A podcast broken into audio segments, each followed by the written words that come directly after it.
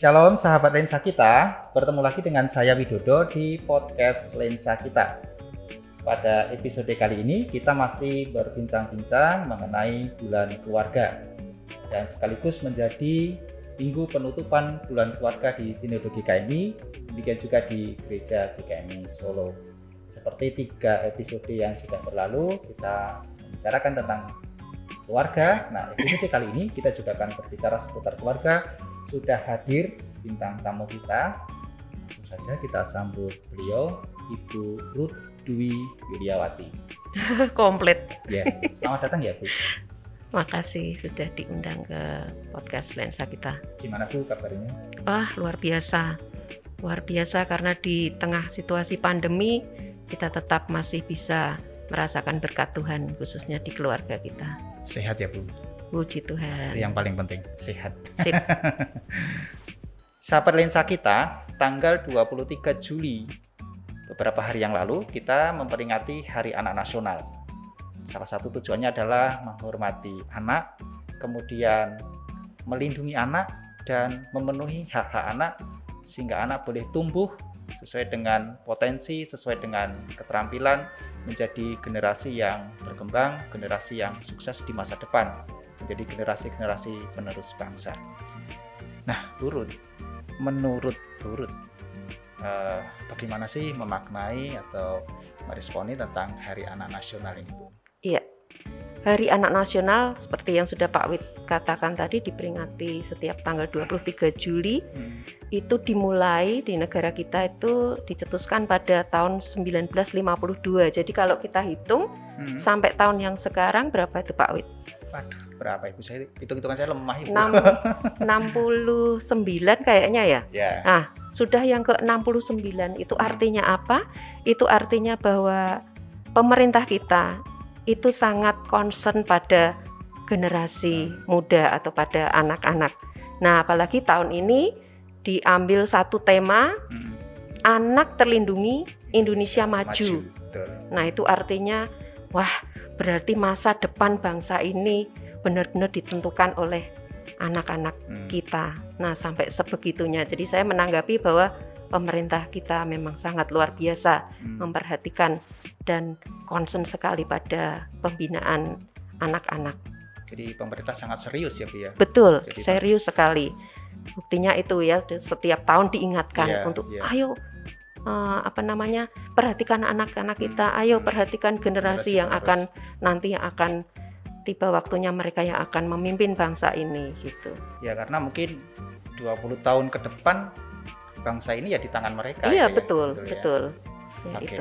lalu uh, dari Burut adakah contoh nyata atau mungkin pengalaman hidup yang bisa dibagikan kepada sahabat lensa kita tentunya hmm. uh, apa namanya mengenai tadi Bu kalau di episode yang lalu kita itu membicarakan tentang anak menghormati orang tua. Ya, uh. Tetapi dari dari apa namanya salah satu tujuan Hari Anak Nasional diperingati ini menghormati anak. Nah itu kebalikannya. Bentuknya, gitu nah, ya. kebalikannya. Kemarin anak menghormati nah, orang tua, uh, sekarang hormat. Itu bentuknya itu kayak apa? Maksudnya iya. prakteknya gimana bu? Iya, menghormati betul. anak itu. Uh, menghormati anak itu artinya kita sebagai orang tua mm -hmm. berusaha untuk memenuhi apa yang menjadi hak anak itu hmm. artinya menghormati orang tua ya. Hmm. Yang menjadi hak anak itu apa?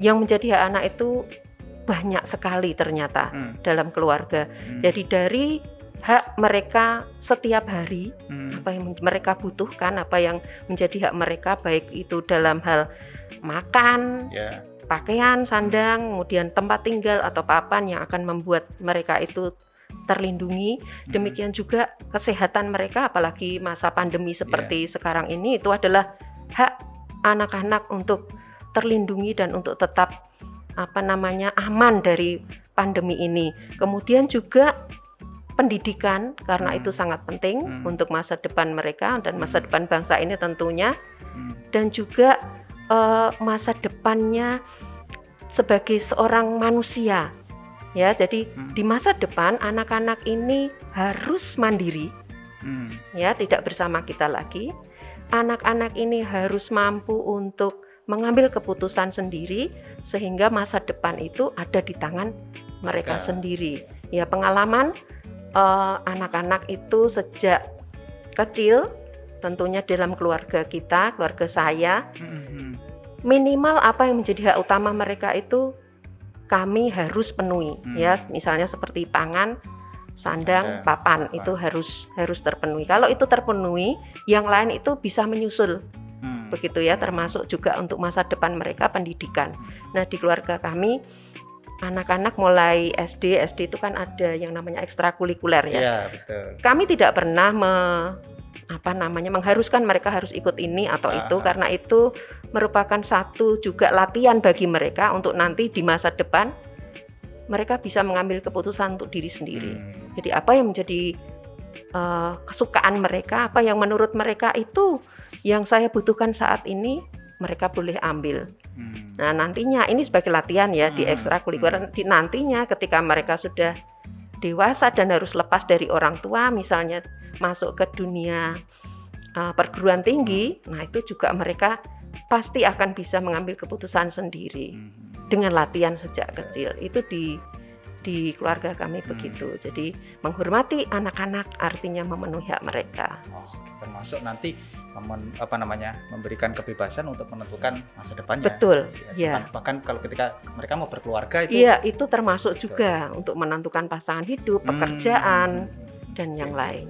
Nah, kalau di sekarang ini ya mungkin gak hanya sekarang ya fenomena yang terjadi itu kadang orang tua itu e, lebih terobsesi anaknya jadi begini jadi begitu hmm. misalnya contohnya aja ya kemudian dileskan ini leskan itu supaya ini dan itu padahal anaknya nggak minat gimana bu itu bisa iya. nggak iya.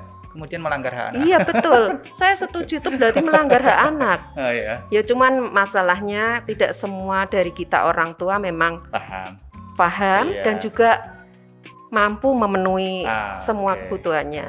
Oke, berarti hati-hati orang tua ini.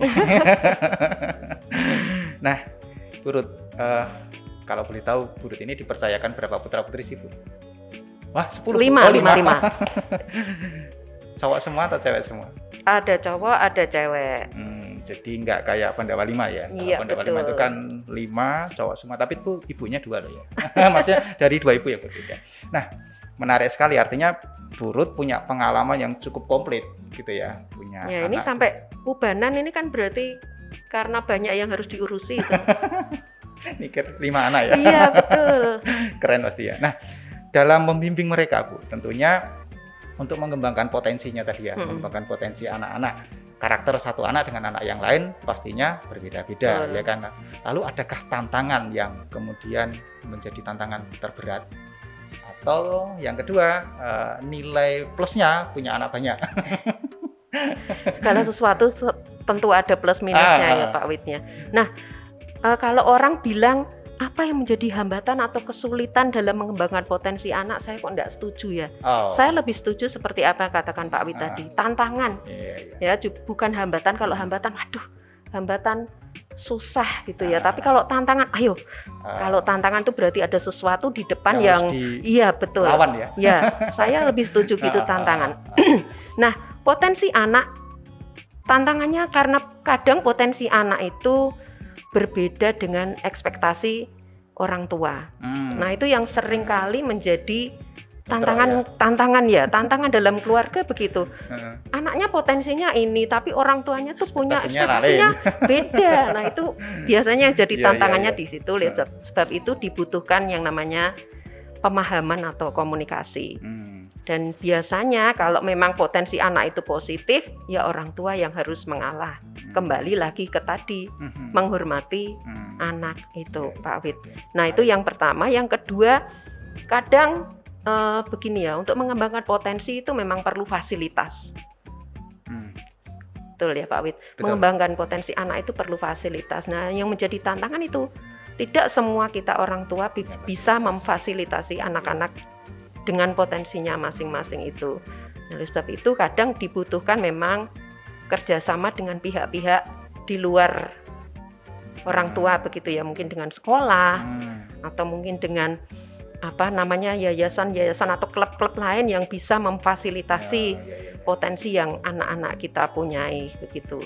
Nah, contohnya begini Pak Wid, fasilitas itu dibutuhkan. Hmm. Anak saya nomor empat itu dia tuh punya passion di make up artis gitu ya. Oh. Dan saya tahu untuk memfasilitasi passionnya Ah. itu mahal. nah itu yang menjadi Dan yang yang jadi nyewakan ya? tantangannya di situ. Nah puji Tuhan ketika dia di- duduk di SMA Mm-mm. itu SMA-nya memang memberi kesempatan ya bagi anak-anak punya passion atau punya keinginan belajar apa begitu. Oh. Nah, saat itulah dia punya kesempatan untuk mengasah Hmm. kemampuannya itu tanpa harus mengeluarkan sepeser uang pun begitu ya karena sekolah memfasilitasi diajak belajar ke sebuah MUA yang cukup Hmm. terkenal di Solo ini dan itu sama sekali gratis, tidak membayar. Nah, itu kan artinya harus ada pihak lain yang apa namanya bekerja sama Ya. dengan kita orang tua mungkin dari sekolah seperti ini sehingga fasilitas yang orang tua tidak bisa memenuhi itu bisa di apa didapatkan anak. Dan anak bisa mengembangkan potensinya. Betul, ya. ya.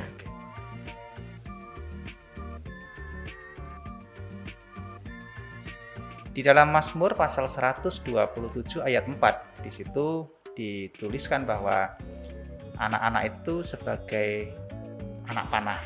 Ya, Bu. Nah, saya akan bacakan se- secara lengkapnya adalah di Mazmur 127 ayat 4 demikian firman Tuhan. Seperti anak-anak panah di tangan pahlawan, demikianlah anak-anak pada masa muda.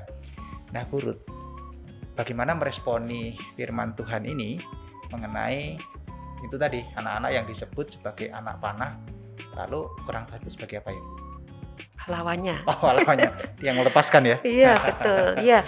Kalau firman Tuhan tadi yang sama-sama kita baca ya, Hmm. anak-anak muda, anak-anak kita itu Hmm. diumpamakan sebagai anak panah. Hmm. Nah, artinya digunakan untuk apa? Ya untuk memanah. Pada sebuah panahan atau kalau kita memanah, Hmm. itu yang utama adalah sasarannya. Hmm. Jadi kalau kita namanya memanah, pasti Hmm. kita punya sat- satu sasaran Iya. gitu yang akan kita panah apa gitu ya. Nah, di firman Tuhan ini anak panah sebagai ungkapan anak-anak kita juga harus melalui beberapa proses supaya apa? Supaya sasarannya yang akan disasar itu Kena. kena Hmm. Begitu ya. Nah, ada beberapa yang harus dialami oleh anak-anak bagi anak panah. Yang pertama, anak-anak harus mau diruncingkan atau ditajamkan Hmm. ya. Hmm. Mengapa harus diruncingkan atau ditajamkan? Karena kalau dia anak panah ini mengenai sasaran, kalau dia tumpul Hmm. kena sasaran akan jatuh, Iya. tidak bisa menusuk sasaran itu ya. Artinya apa? Artinya anak-anak kita harus merupakan anak-anak yang tajam Hmm. untuk dapat mengenai atau menancap pada sasaran. Sasarannya apa? Sasarannya ya punya masa depan yang baik Hmm. dalam perancangan atau rencana Tuhan. Itu sasarannya. Hmm. Nah, selain diruncingkan atau ditajamkan, anak panah itu juga harus diluruskan. Anak panah nggak boleh bengkok. Hmm. Kalau anak panah bengkok, sasarannya di sana, dia akan ke mana begitu ya. Jadi diluruskan supaya lintasannya lurus ketika dia Hmm. dilepaskan. Kemudian selain itu diarahkan. Hmm.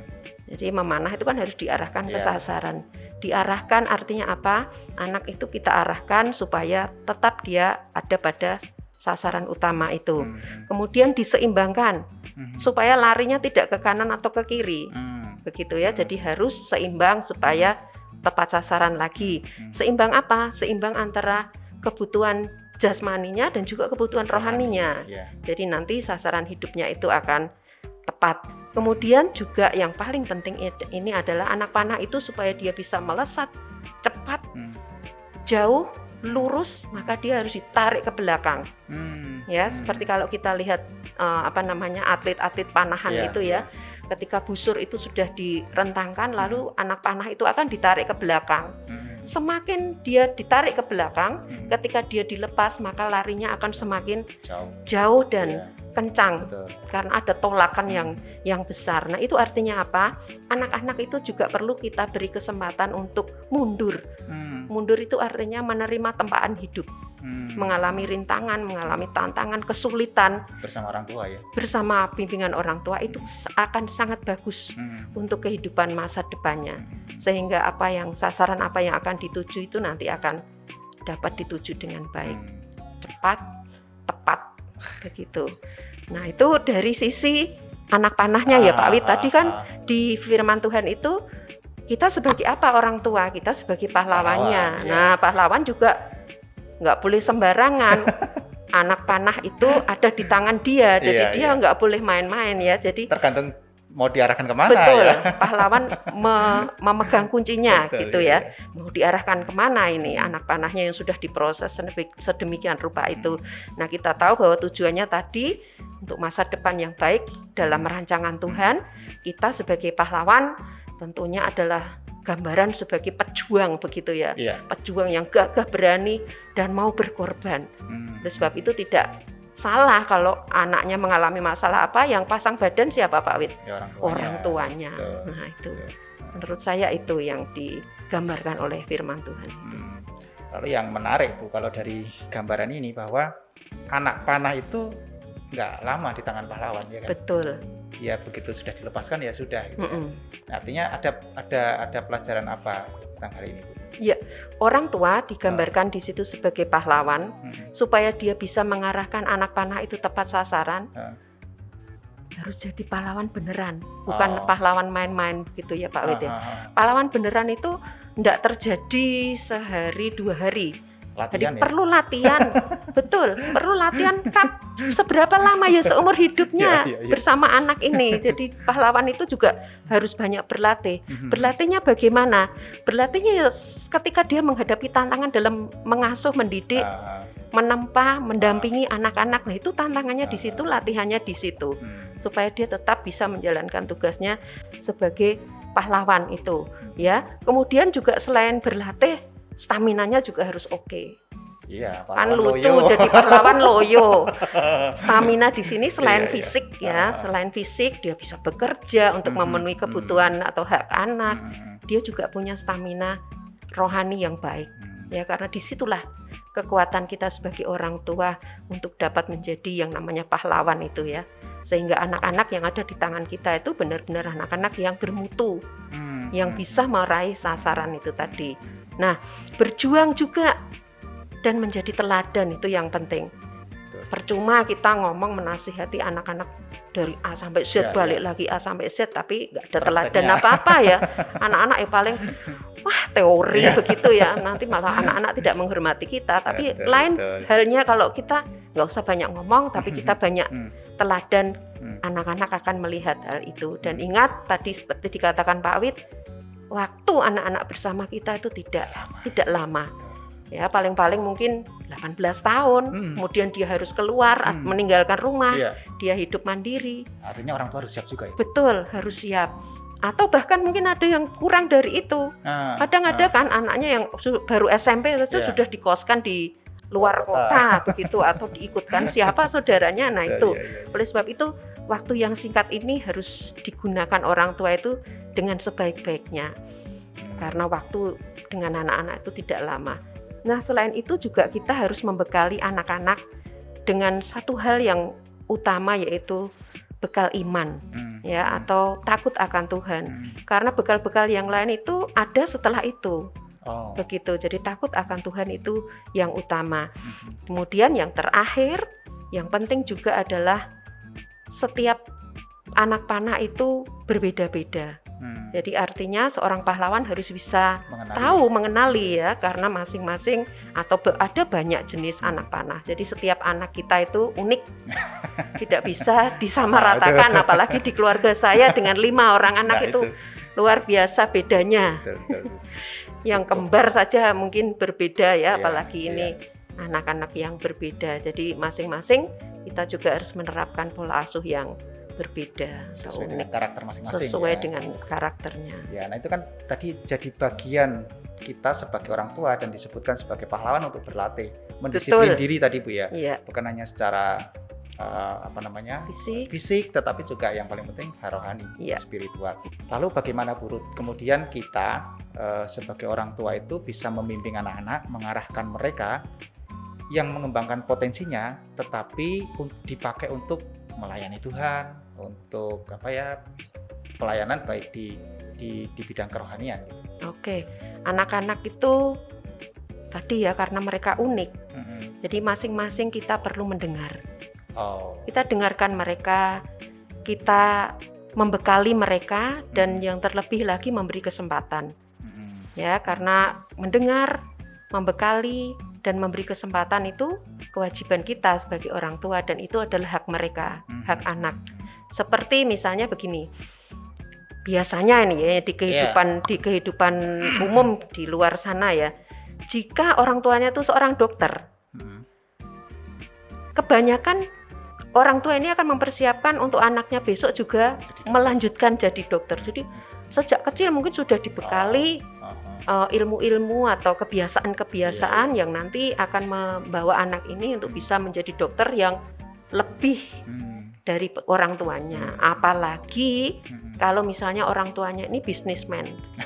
Kita bayangkan ya, asetnya banyak, Iya, betul, betul. oh, banyaklah hal yang harus dikerjakan Eh, dan pasti ingin anak-anak akan melanjutkan Iya, itu. iya. Jadi sejak kecil akan dibekali mm. untuk nanti ketika dewasa dan menggantikan orang tuanya akan menjadi seorang bisnismen yang lebih sukses dari orang tuanya. Mm. Demikian juga dengan kita orang-orang percaya untuk dapat mempersiapkan anak-anak kita melayani di bidang apa pun ya, baik di gereja maupun di luar, di di mana pun mereka berada.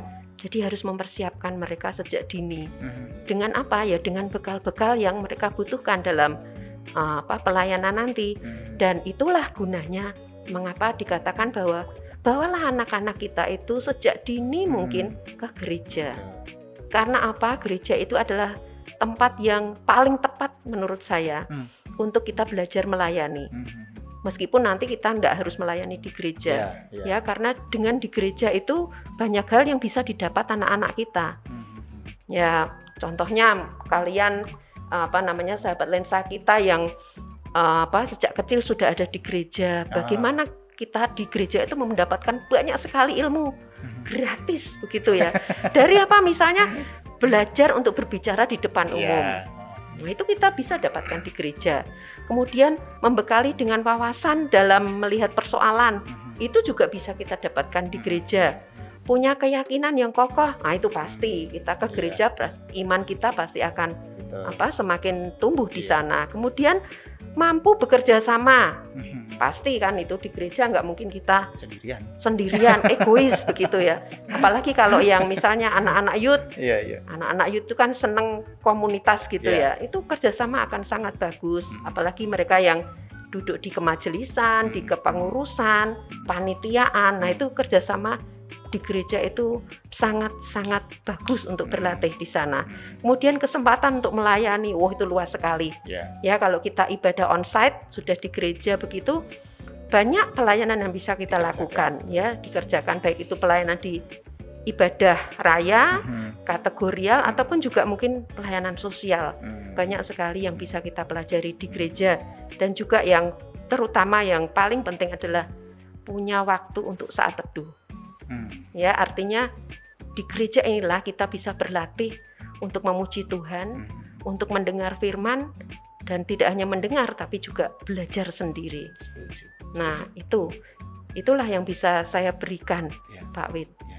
Karena memang firman Tuhan juga mengatakan latihlah dirimu untuk beribadah. Betul. Gitu. Ya, Latihan jasmani ini ada batasnya. Betul. Nah, kalau latihan untuk rohani nggak ada batasnya. betul ya, untuk bekal. Betul sekali. Setuju, setuju.